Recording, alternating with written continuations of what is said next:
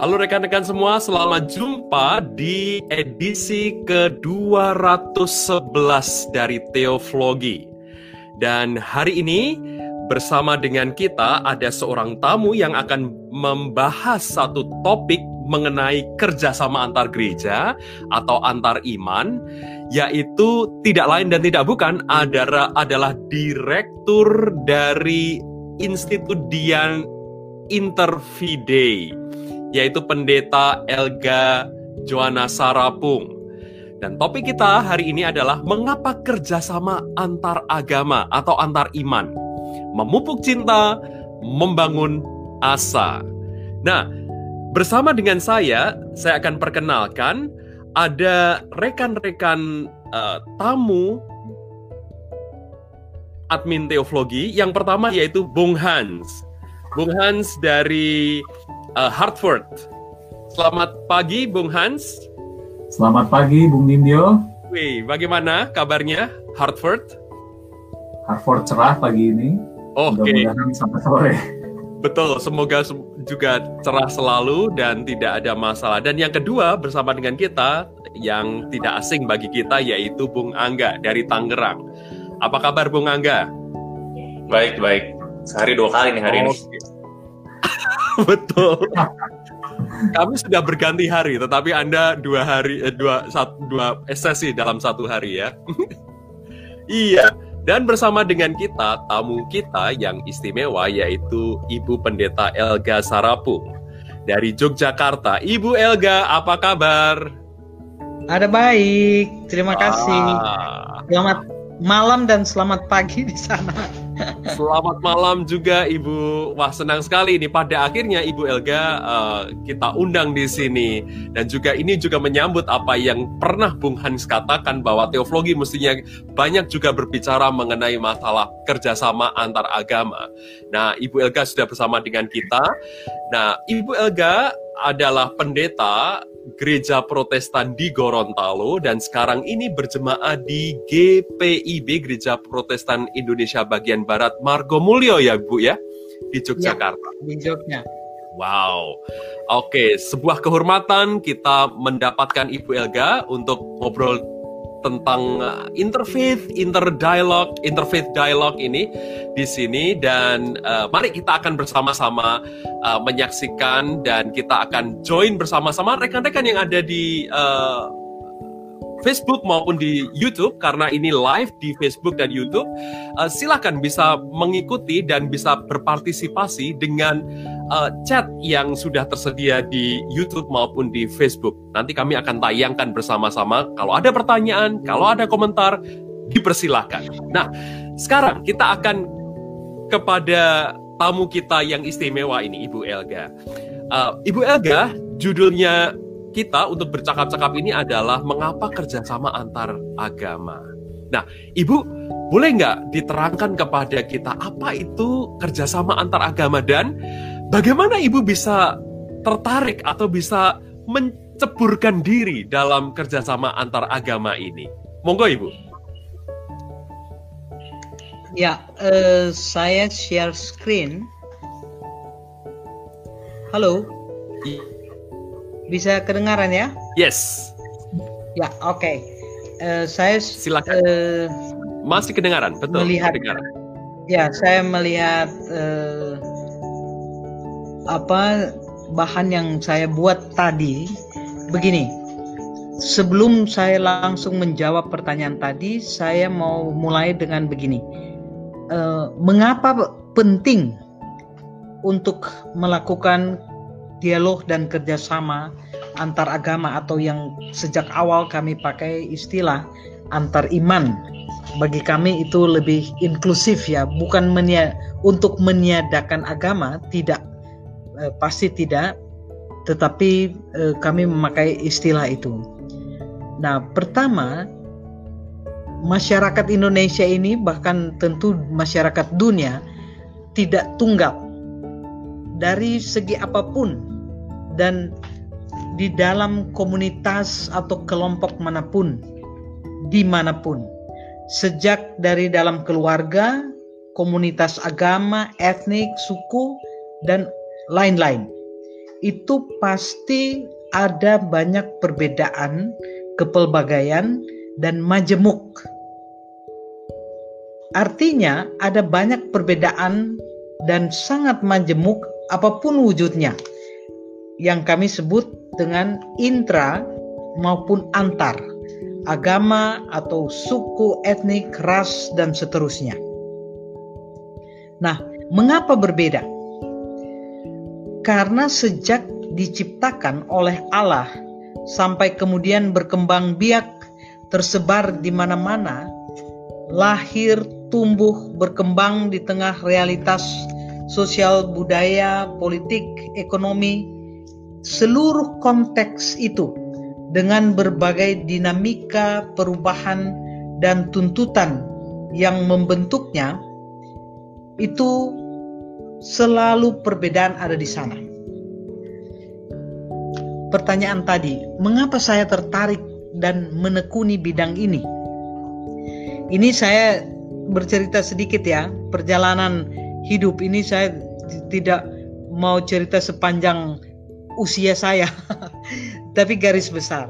Yang bagi saya ini juga merupakan selain latar belakang, tapi eh, juga merupakan situasi konteks yang benar-benar berpengaruh pada diri saya. Saya lahir dan besar di Gorontalo, dulu bagian dari Sulawesi Utara ya, provinsi Sulawesi Utara, yang mayoritas Muslim.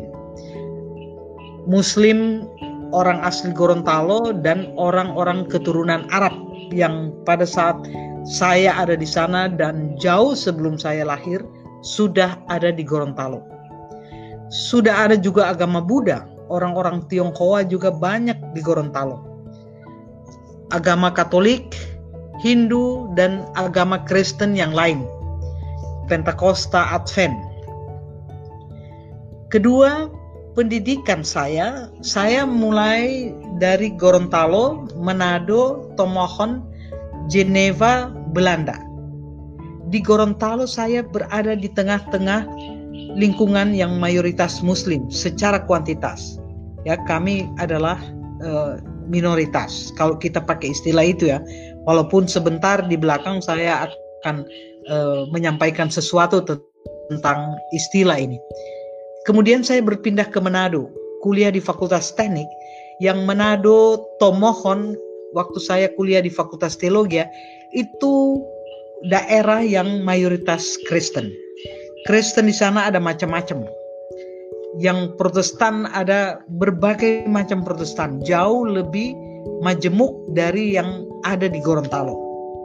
Kalau di Gorontalo saya hanya bertemu dengan entah yang Katolik atau yang Pantekosta atau yang Advent, maka di Manado, Tomohon itu jauh lebih banyak.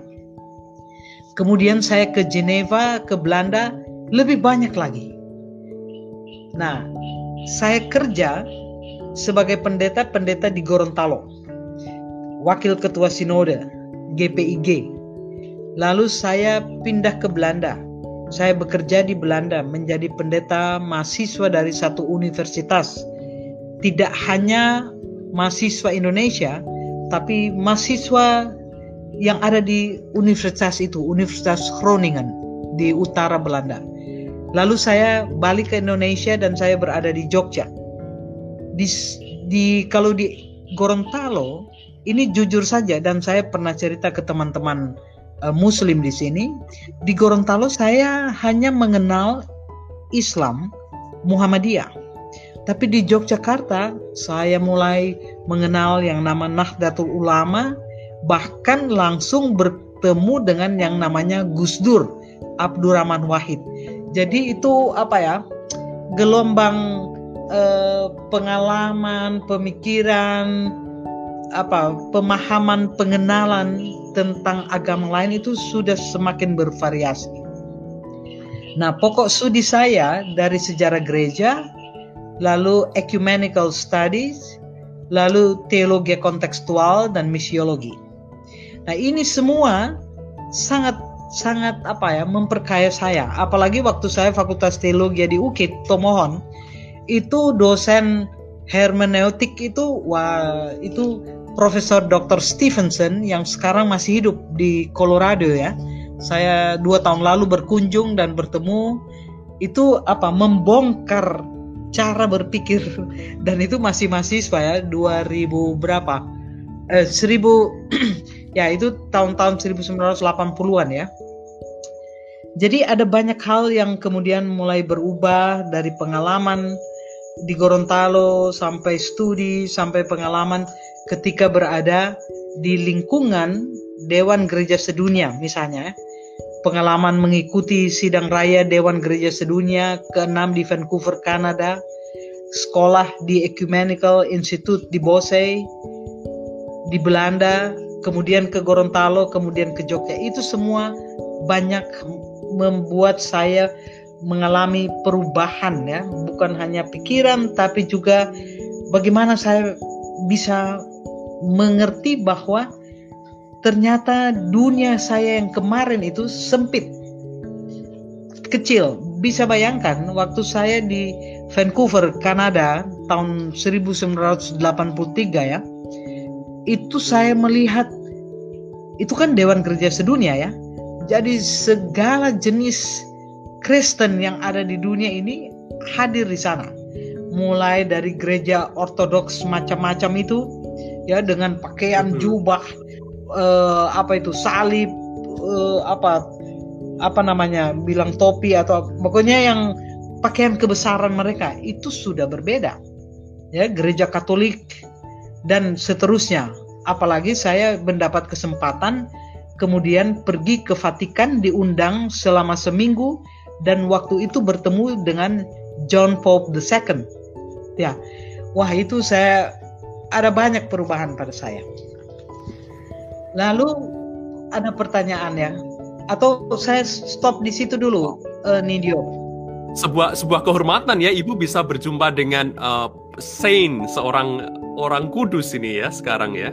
Ya ya itu saya bersyukur sekali dan saya punya foto dengan itu uh, begini jadi memang program Ecumenical Institute itu bagus sekali ya. Uh, dan kita diundang oleh Vatikan karena ada program kerjasama Dewan Gereja Sedunia dan Vatikan.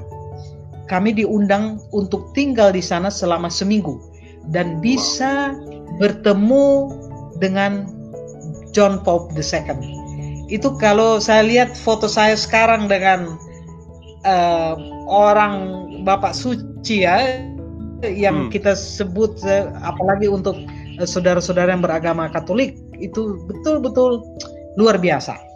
Aura aura perjumpaan itu uh, lain beda ya.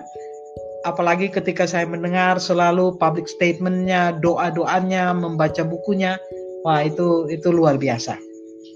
Yes. Nah, yes. ya Eh, dan dan itu pengalaman dengan Dewan Gereja-Gereja sedunia ya yang melihat kalau saya tadi di Gorontalo di Manado hanya mm-hmm. berapa sih uh, aliran kekristenan ya selain Katolik Protestan ya yes. tapi yang uh, gereja ini gereja itu macam-macam di Manado yang kita sudah mayoritas Kristen tapi ketika di dunia aduh saya anggap apalah saya ini ya kecil nah satu di antara sekian banyak. Itu di antara kita Kristen aja ya, belum dengan agama-agama lain. Waktu itu. Walaupun yang saya tahu dari sejarah eh, Dewan Gereja Sedunia misalnya kan sudah sejak tahun 61 diupayakan bagaimana juga dialog itu dengan agama-agama lain terutama yeah. dengan Islam gitu.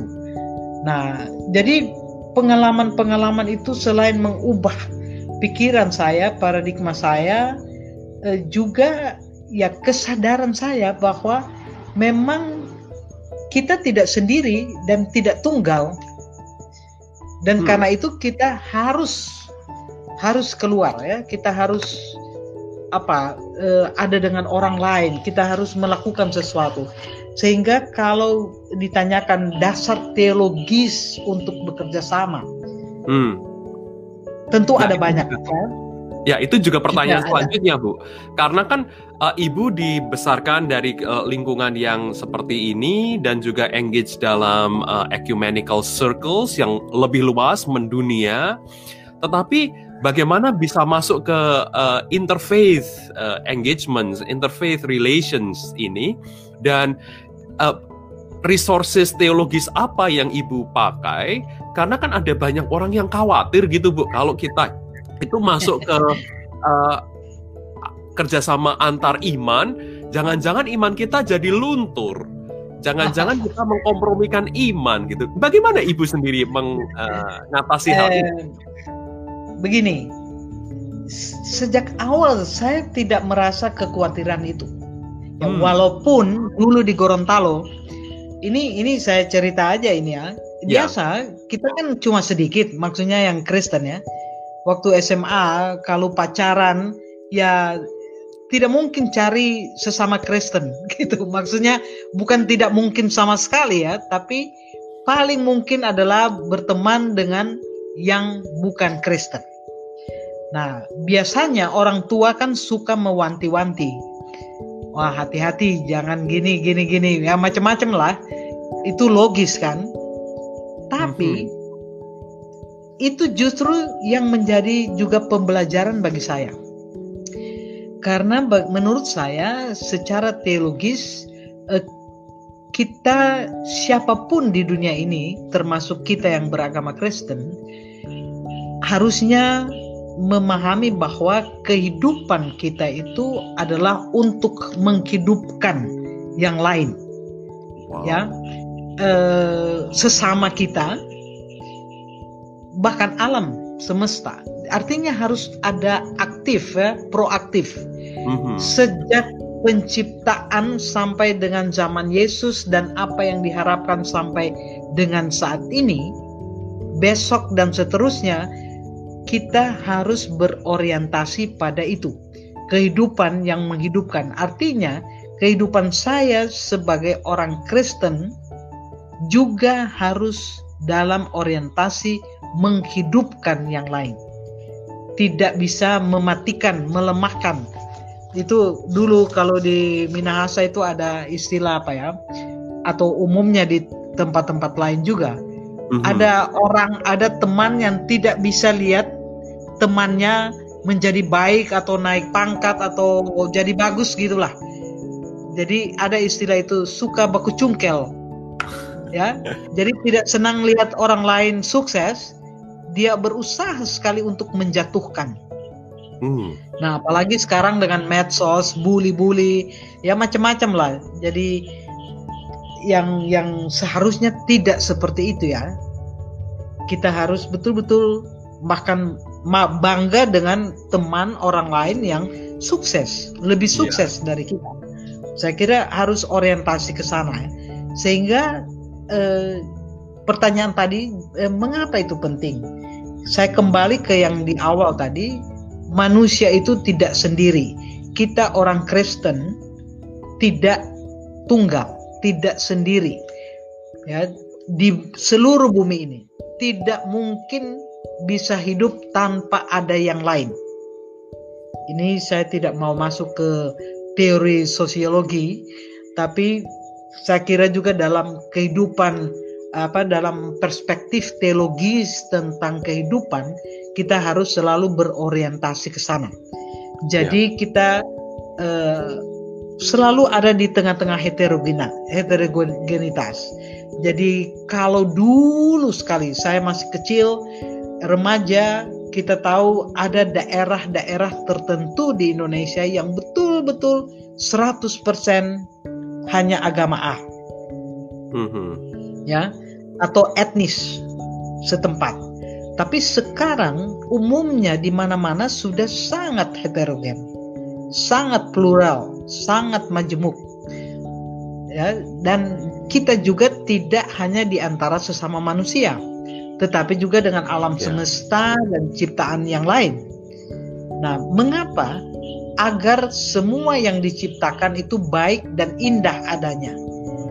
Apa artinya itu? antara lain ya, ini antara lain tentang perbedaan misalnya.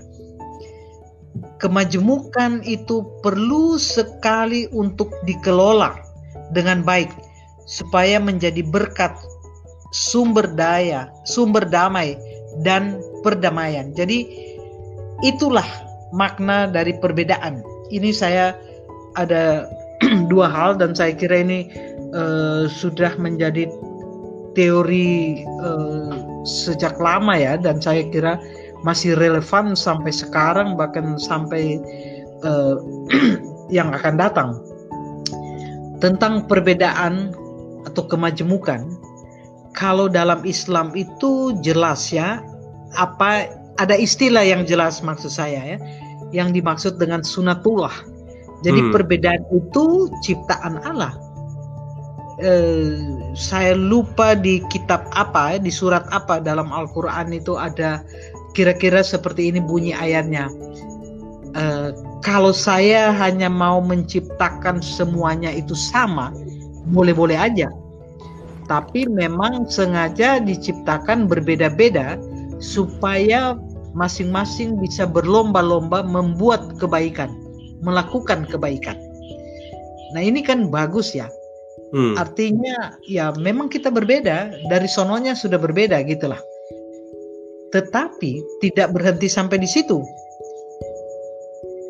Dilanjutkan dengan sekalipun kita berbeda, kiranya kita menjadi rahmatan lil alamin atau bagi hmm. kita orang Kristen shalom elaihim itu rahmat ya bagi semua orang tidak terkecuali karena kalau perbedaan itu ada dua macam ini ya konsekuensi logis dari perbedaan, menurut saya eh, konflik itu bisa kita lihat secara positif, ya, sebagai masa eh, trans transisi untuk bagaimana orang bisa belajar dan memperbaiki.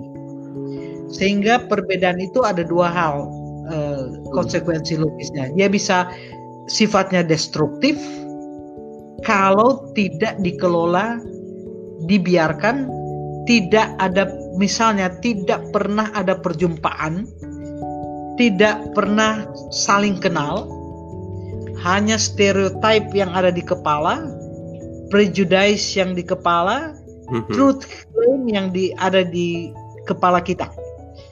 Tidak pernah ada dialog, ada hmm. perjumpaan dialog, apalagi kerjasama atau kalaupun ada kerjasama maka berlomba-lomba untuk tidak baik bersaing negatif ya e, yaitu destruktif tadi. Tidak dijadikan sebagai kekuatan bersama tetapi sendiri-sendiri.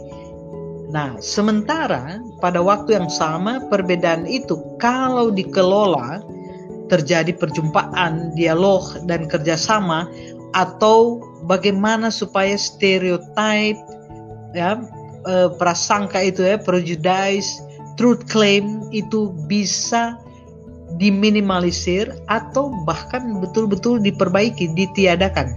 Itu dalam kegiatan-kegiatan kami selalu ada itu yang kami sebut dengan membongkar prasangka atau udar prasangka. Itu menarik sekali tapi nanti didiskusi sebentar. Yang yes. kedua untuk konstruktif itu jadi perbedaan itu atau sekalipun berbeda perbedaan itu dijadikan sebagai kekuatan bersama yang positif untuk kepentingan bersama. Nah, di sini selalu masih banyak kesulitan. Karena itu tadi orang cenderung ya kami yang benar, mereka yang salah.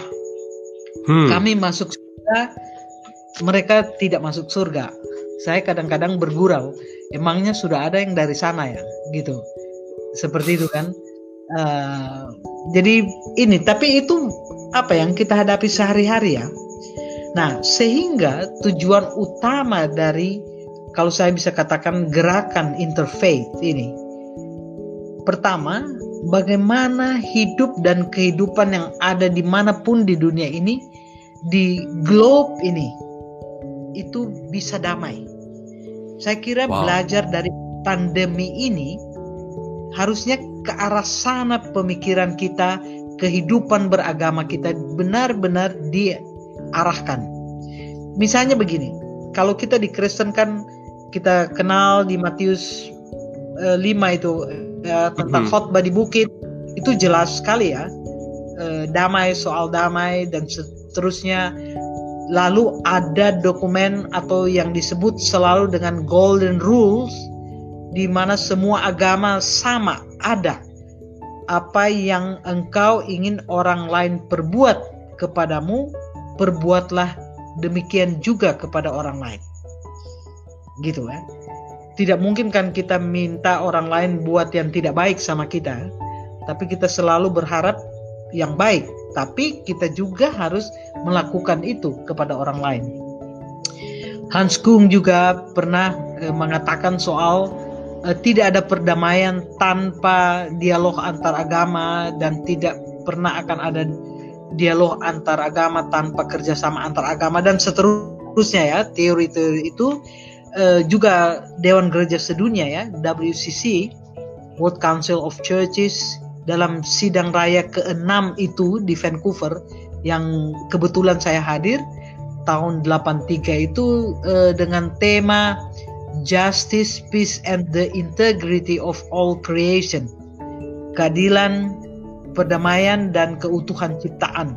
Itu kan itu jadi utuh ya, bukan penggal-penggal gitu. Lalu kemudian tahun-tahun 2000-an itu kita tahu ada yang disebut dokumen a common word. Mhm. ya eh, kalimatun sawa itu apa itu? Kasih. Wah itu menarik sekali dokumen itu. Ya dan ternyata hukum kasih itu tidak hanya di agama Kristen tapi juga di agama Islam bahkan di agama-agama lain. Ya jadi kasih kepada Allah dan kasih kepada sesama manusia dan inti yang mau disampaikan oleh dokumen itu adalah eh, sebenarnya penduduk dunia ini ya mayoritas atau paling banyak adalah yang beragama Islam dan Kristen. Mhm. Nah, kalau pikiran kita, perasaan kita, perilaku kita kita dasarkan pada kasih seharusnya tidak akan ada konflik, tidak akan ada perang di dunia ini. Tapi karena kita tidak mendasarkan pemikiran kita, perasaan kita, perilaku kita satu terhadap yang lain pada kasih, maka semua buyar, kacau, gitu. Lalu yang eh, terakhir yang kita tahu bersama ya dokumen Abu Dhabi itu dan masih banyak lagi dokumen eh, yang kita tahu betul-betul bagaimana agama-agama itu harusnya benar-benar membawa damai perdamaian. Nah, makanya eh, menurut saya ya PBB itu lahir saya kira dari pemikiran ini yang Hmm. melatar belakang melatar belakang ya. Jadi bukan bukan apa politik dan apa walaupun kemudian eh, apa eh, hal-hal politik juga kemudian menjadi eh, perhatian PBB. Lalu ada Religions for Peace ya Mhm. agama-agama untuk perdamaian ini ada sebuah dewan eh, bersama di mana secara internasional yaitu agama-agama untuk perdamaian dan ada di seluruh negara di eh, dunia ini. Lalu ada lembaga-lembaga keagamaan. Antara lain gereja ada di situ. Ada lembaga-lembaga oikumenis ya gereja-gereja. Macam-macam gereja. Secara eh, lembaga swadaya kemasyarakatan ada lembaga seperti Interfide. Dan masih Mhm. banyak lagi. Kalau Indonesia ini kan di daerah-daerah itu wah ada Jalin Harmoni ada lembaga keislaman dan kemasyarakatan yang ada di Banjarmasin LK3 ada banyak ya di mana-mana ada Jakartarup di Jawa Barat dan Betul. seterusnya itu Eh, artinya gerakan-gerak kesadaran dan munculnya gerakan-gerakan perdamaian itu banyak di Indonesia dan kita Mhm. harus tetap menggerakkan. Nah, pertanyaan kritis adalah apakah yang dilakukan oleh lembaga-lembaga seperti yang disebutkan di atas tujuannya adalah untuk mencapai kehidupan bersama yang damai dan cara mencapai tujuan tersebut dengan cara-cara entah itu narasi, literasi, metode, proses itu damai. Gitu. Yang kedua, apa yang dimaksud dengan cara damai? Tidak diskriminatif, tidak serakah, egois, tidak merasa dan menjadikan diri superior terhadap yang lain dan seterusnya. Tantangan. Nah, ini komitmen dan integritas individu kelompok mengalami perubahan atau berada di di apa itu ya eh, perbatasan yang yang sering bisa berubah apalagi mm-hmm. bagi kita di Indonesia ya atau di mana-mana saya kira ya eh, di dalam poin berikut saya mau katakan ya ketika dipengaruhi oleh politik Nah, tapi sebelum ke situ saya mau mengatakan bahwa eh, pemahaman tentang keagamaan ya, agama dan praktek beragama kita tidak matang, tidak dewasa, hmm. tetapi dangkal dan sempit. Dan apalagi pengalaman bersama itu tidak pernah ada. Kan masih banyak orang yang eh, sama sekali belum pernah berjumpa apalagi berinteraksi bekerja sama dengan yang berbeda. Gitu. Bagaimana kita mau kenal diri kita sendiri tanpa mengenal orang lain? Nah ini yang ketiga yang saya katakan tadi ya. Jadi perkembangan politik kita ini saya bicara soal Indonesia semakin tidak dapat dipercaya bahkan bisa memakai agama dan cara beragama untuk kepentingan politik identitas, untuk kekuasaan dan ekonomi, ya, penguasaan ekonomi. Ini ini ini sangat apa ya? Saya sampai dalam beberapa diskusi saya pikir ini orang mengerti politik itu gimana sih? Dan kenapa agama beragama itu mudah sekali dipakai untuk kepentingan-kepentingan politik? bahkan kita kenal ya istilah politisasi agama. Mm-hmm. Itu uh, berikut uh, perubahan dalam pendidikan dan media yang tidak menjadi alat yang mendidik ke arah positif dan damai, melainkan negatif, merusak dan penuh kebencian, kemarahan dan lain sebagainya. Ya kita tahu ini eh, pengalaman kita dengan banyak medsos ya masalah-masalah yang terjadi karena medsos ini eh, kita bilang kita perlu ada filter oke okay. kita bilang eh, apa kita perlu seleksi tapi itu godaan dan bagaimana media itu mem membodohi kita atau menghipnotis setiap orang, setiap pengguna yang betul-betul tidak lagi punya filter apa-apa. Gitu. Untuk menyaring, untuk mencoba memahami dengan benar apakah ini berita benar, apakah ini baik yang perlu dipakai atau tidak. Itu kan dalam banyak hal uh, menjadi masalah kita. Yang terakhir eh, kehadiran kelompok-kelompok intoleran radikal sempit. Ini kenapa saya pakai radikal sempit? Eh, atau ada kata sempit di situ? Karena sebenarnya kan radik radik itu kan akar ya. Mm-hmm. tinggal akar yang kita keluar atau ke dalam. Gitu. Jadi eh, kalau yang akar saja kita mengerti dan mengekspresikan semuanya totally dalam bentuk kekerasan itu sebenarnya bukan yang dimaksudkan dengan redik itu. Hmm. Ya, redik itu uh, uh, keaslian itu nilai yang menghidupkan tadi ya itu harusnya itu lalu tambah ekstremisme bahkan terorisme nah pertanyaan di mana gereja atau gereja-gereja dan bagaimana menurut saya gereja itu bukan sesuatu yang kekal. Yang kekal adalah dunia. Gereja bukan gedung, bukan organisasi, lembaga, tetapi orang-orang manusia yang bersekutu, bersaksi dan melayani. Itu kita tahu semua ya, eh, apa gereja itu apa sih? Gitu. Gereja sebagai media, sebagai alat yang membawa shalom Elohim ke dalam dunia.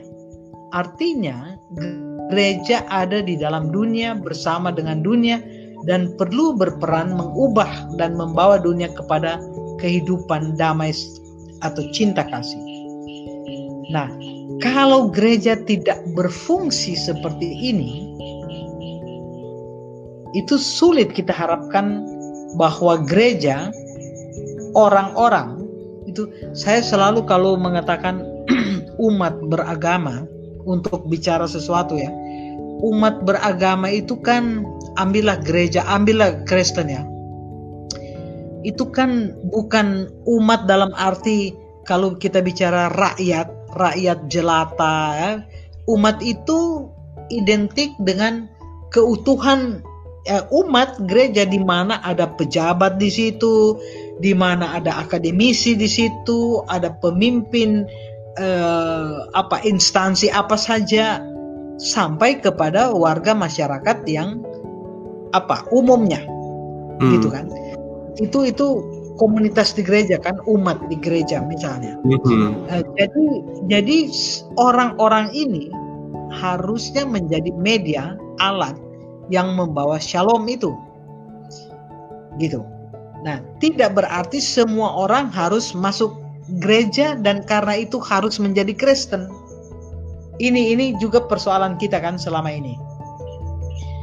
Uh, ada beberapa teks di Alkitab yang masih menurut saya masih keliru dipahami oleh orang Kristen, gitu.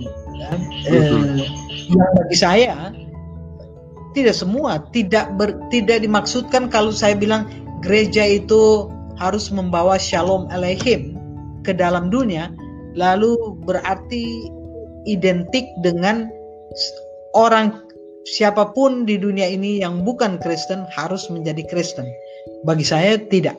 Itu tidak tidak benar gitu. Dan caranya apa? Gereja harus keluar, bergaul, berjumpa, berdialog dan bekerja sama dengan yang berbeda baik pada tataran oikumenis di antara gereja-gereja maupun bersama dengan agama-agama lain. Jangan ragu, jangan takut. Seperti yang pertanyaan pertama tadi atau di kedua apa ketiga ya. Apakah kalau kita bergaul atau bekerja sama dengan agama lain itu nanti iman kita jadi abu-abu atau bagaimana gitulah? Hmm. Iya kan? ada ada ketakutan begitu kan ada yeah. kekhawatiran itu muncul aduh jangan terlalu banyak dengan mereka gitulah nanti kita apa ter, terpengaruh dan seterusnya walaupun ini tidak terjadi hanya di lingkungan agama Kristen semua agama-agama ketika pikiran dangkal yang kuat yang terjadi maka semua orang menjadi takut, ragu-ragu untuk bergaul, bertemu, apalagi berdialog, belajar dari dan bersama dengan agama lain. Bagi saya tidak usah takut. Ya. Jadi semakin kita mampu terbuka untuk bergaul, berjumpa dan berdialog serta bekerja sama, bersolidaritas dengan yang berbeda, membuktikan keimanan kita semakin dewasa dan matang. Jadi kita tidak perlu takut. Kita belajar Islam, belajar Buddhism, belajar Hinduism, apa pun. Tidak perlu kita ragu. Nanti kalau saya terlalu banyak belajar dengan orang lain yang berbeda, nanti keimanan Kristiani saya jadi tidak jelas lagi. Saya selalu katakan kita harus tetap memberi kesaksian kepada orang lain bahwa kita adalah pengikut Kristus sebagai orang Kristen. tapi itu tidak berarti kita harus eksklusif dan Hmm. menolak menjauhkan diri dan belajar bersama dengan yang berbeda. Itu. Gereja pun perlu bergaul dengan ilmu pengetahuan, dengan persoalan-persoalan di masyarakat. Jadi sensitivitas sosial, politik, budaya, ekonomi, lingkungan, hukum dan lain-lain itu sangat perlu. Pengalaman kami di Interview Day misalnya sekarang dengan isu-isu human trafficking, ya, Mhm. lingkungan, eh, isu perdamaian, kekerasan itu itu termasuk gereja ya harus memberi perhatian yang serius. Tidak bisa tidak. Jadi gereja jangan menganggap ah itu bukan urusan saya, itu urusan mereka. Gitu. Eh, bagi saya itu eh, tidak benar juga ya. Yang berikut karena itu selain perlu terbuka, kritis dengan diri sendiri, itu yang saya bilang ya, self criticism dan memiliki pengetahuan perlu juga keterampilan bagaimana bisa berjumpa, berdialog dengan yang berbeda itu. Tidak usah takut, tidak usah khawatir. Tapi ketika kita berdialog tidak berarti kita mentes yang lain dan berdebat dan berpikir di kepala kita ini soal kalah dan menang. Itu bukan dialog itu.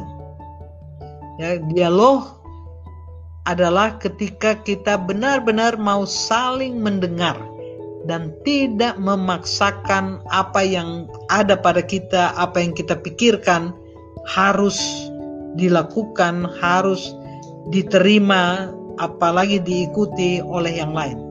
Saya bisa menghargai orang lain karena saya bersedia untuk mendengar apa yang dikata apa yang dia katakan tentang dia atau apa yang mereka katakan tentang mereka. Apa pun bentuknya atau isinya. Ya ketika saya mampu mendengar saya juga berharap orang lain bisa mendengar saya untuk mengerti tentang siapa sebenarnya mereka kenapa mereka seperti itu. Itu proses-proses yang terjadi di dalam kegiatan-kegiatan kami ya. Karena itu penting sekali. Baik sampai di situ Ninjo silakan kalau ada diskusi atau, Wow, atau terima kasih Ibu. Nah ini Yap. Ibu Elga juga sudah menyampaikan uh, email beliau. Uh, Rekan-rekan bisa memakai email ini untuk nanti berkomunikasi dengan Ibu Elga. Begitu ya Ibu ya? nah ya silakan Wow, terima kasih. silakan Ibu Elga terima kasih sekali. Nah, Ibu bisa kembali ke uh, Chrome supaya kita bisa berdiskusi ini dan bersama-sama Ya. juga kita bisa saling melihat wajah kita. Wah, ini terima kasih Bu. Ya. Uh, ada banyak hal yang sangat menarik yang Ibu sudah paparkan dari mulai pengalaman uh, pribadi sampai pelayanan keterlibatan Ibu dan mengapa penting keterlibatan itu khususnya untuk Indonesia di tengah-tengah kepelbagaian dan juga uh, zaman yang kita mudah sekali mengakses informasi tetapi menjadi tidak kritis. Dan juga tadi juga Ibu katakan kita berada di dalam konteks ada uh, radikal-radikal yang sempit yang uh, juga membuat resah kadang-kadang uh, situasi kondisi masyarakat. Ini bukan hanya di satu agama saja, tetapi juga kita bisa uh, sebutkan banyak agama yang yang seperti itu. Wow, terima kasih uh, Bu Elga. Nah, rekan-rekan, uh, saya kepingin bertanya satu hal dulu kepada Ibu Elga. Nanti saya akan serahkan pada Bung Hans maupun Bung Angga.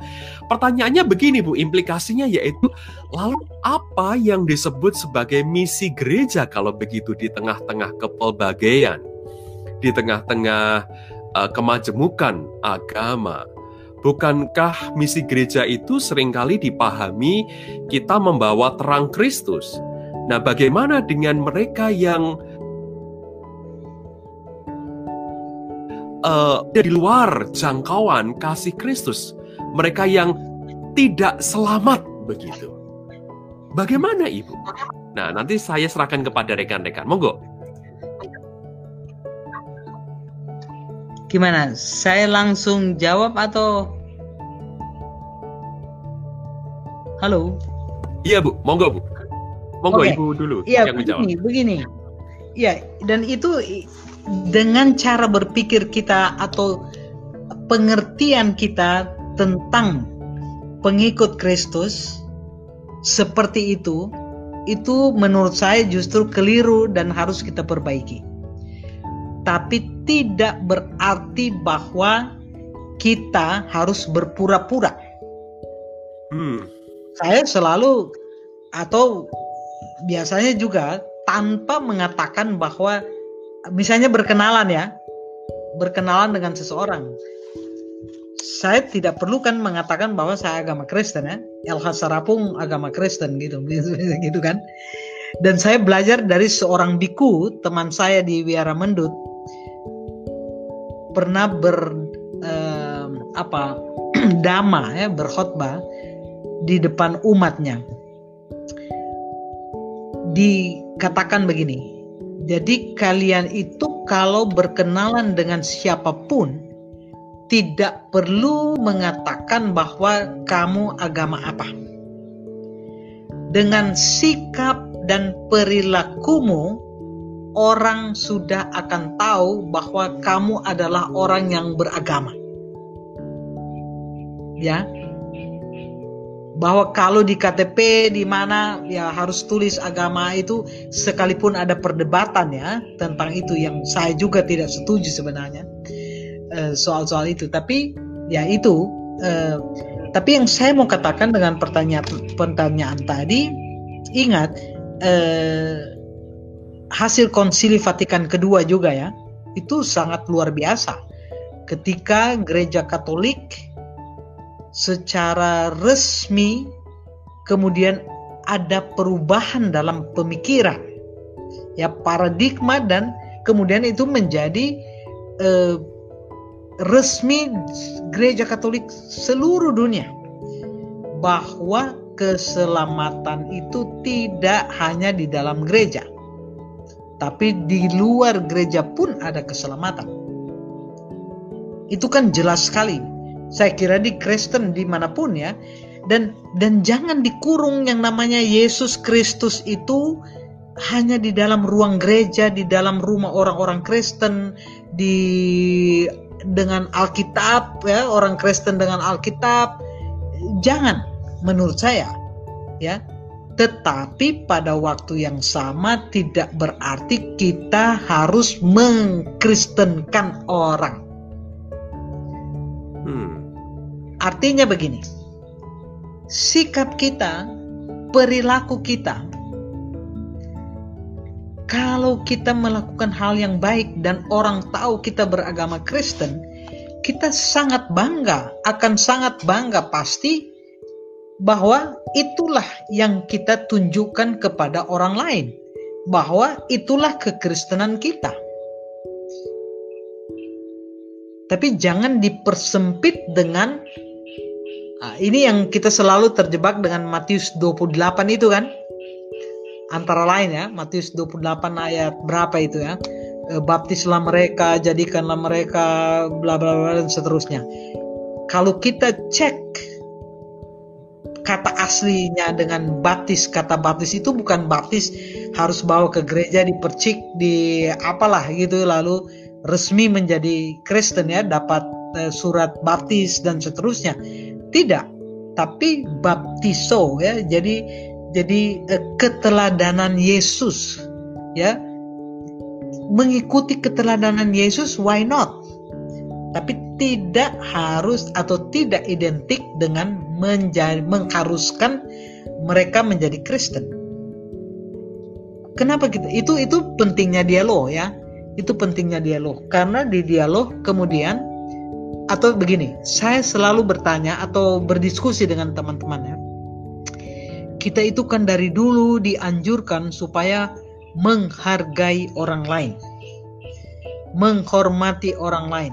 Tapi bagaimana saya bisa menghormati mereka entah yang Islam, entah yang Buddhis, entah yang Hindu, entah yang apalah gitu ya, termasuk agama-agama lokal itu ya, kepercayaan lokal. Bagaimana saya bisa menghormati mereka tanpa mengerti mengapa mereka begini, mengapa mereka begitu, mereka mengapa mereka mempraktekkan ini, mengapa mereka misalnya ya ketika dulu jilbab baru mulai, kenapa sih e, mereka harus memakai jilbab misalnya? Nah, ini ruang-ruang dialog seperti ini selama bertahun-tahun itu tertutup dan tidak mungkin kita bisa terbuka, bisa apa ya eh, ringan ya untuk bertanya untuk saling menjelaskan bukan untuk didebatkan. Apalagi ah itu salah yang benar begini seperti agama kami. Nah tidak dalam rangka begitu tetapi supaya rasa saya untuk menghargai sikap saya untuk menghormati itu berdasarkan sesuatu yang saya tahu, saya kenal. Ya. Dan jangan takut dengan orang lain. Eh, kami eh, proses kalau kami workshop ya, pelatihan atau sekolah lintas iman ini kan biasanya kita apalagi orang Kristen ya selalu apa itu berpikir misalnya terhadap agama Buddha, agama Hindu, ah itu sembayang-sembayang patung kok. Itu pasti mereka masuk neraka. Gitu-gitu kan?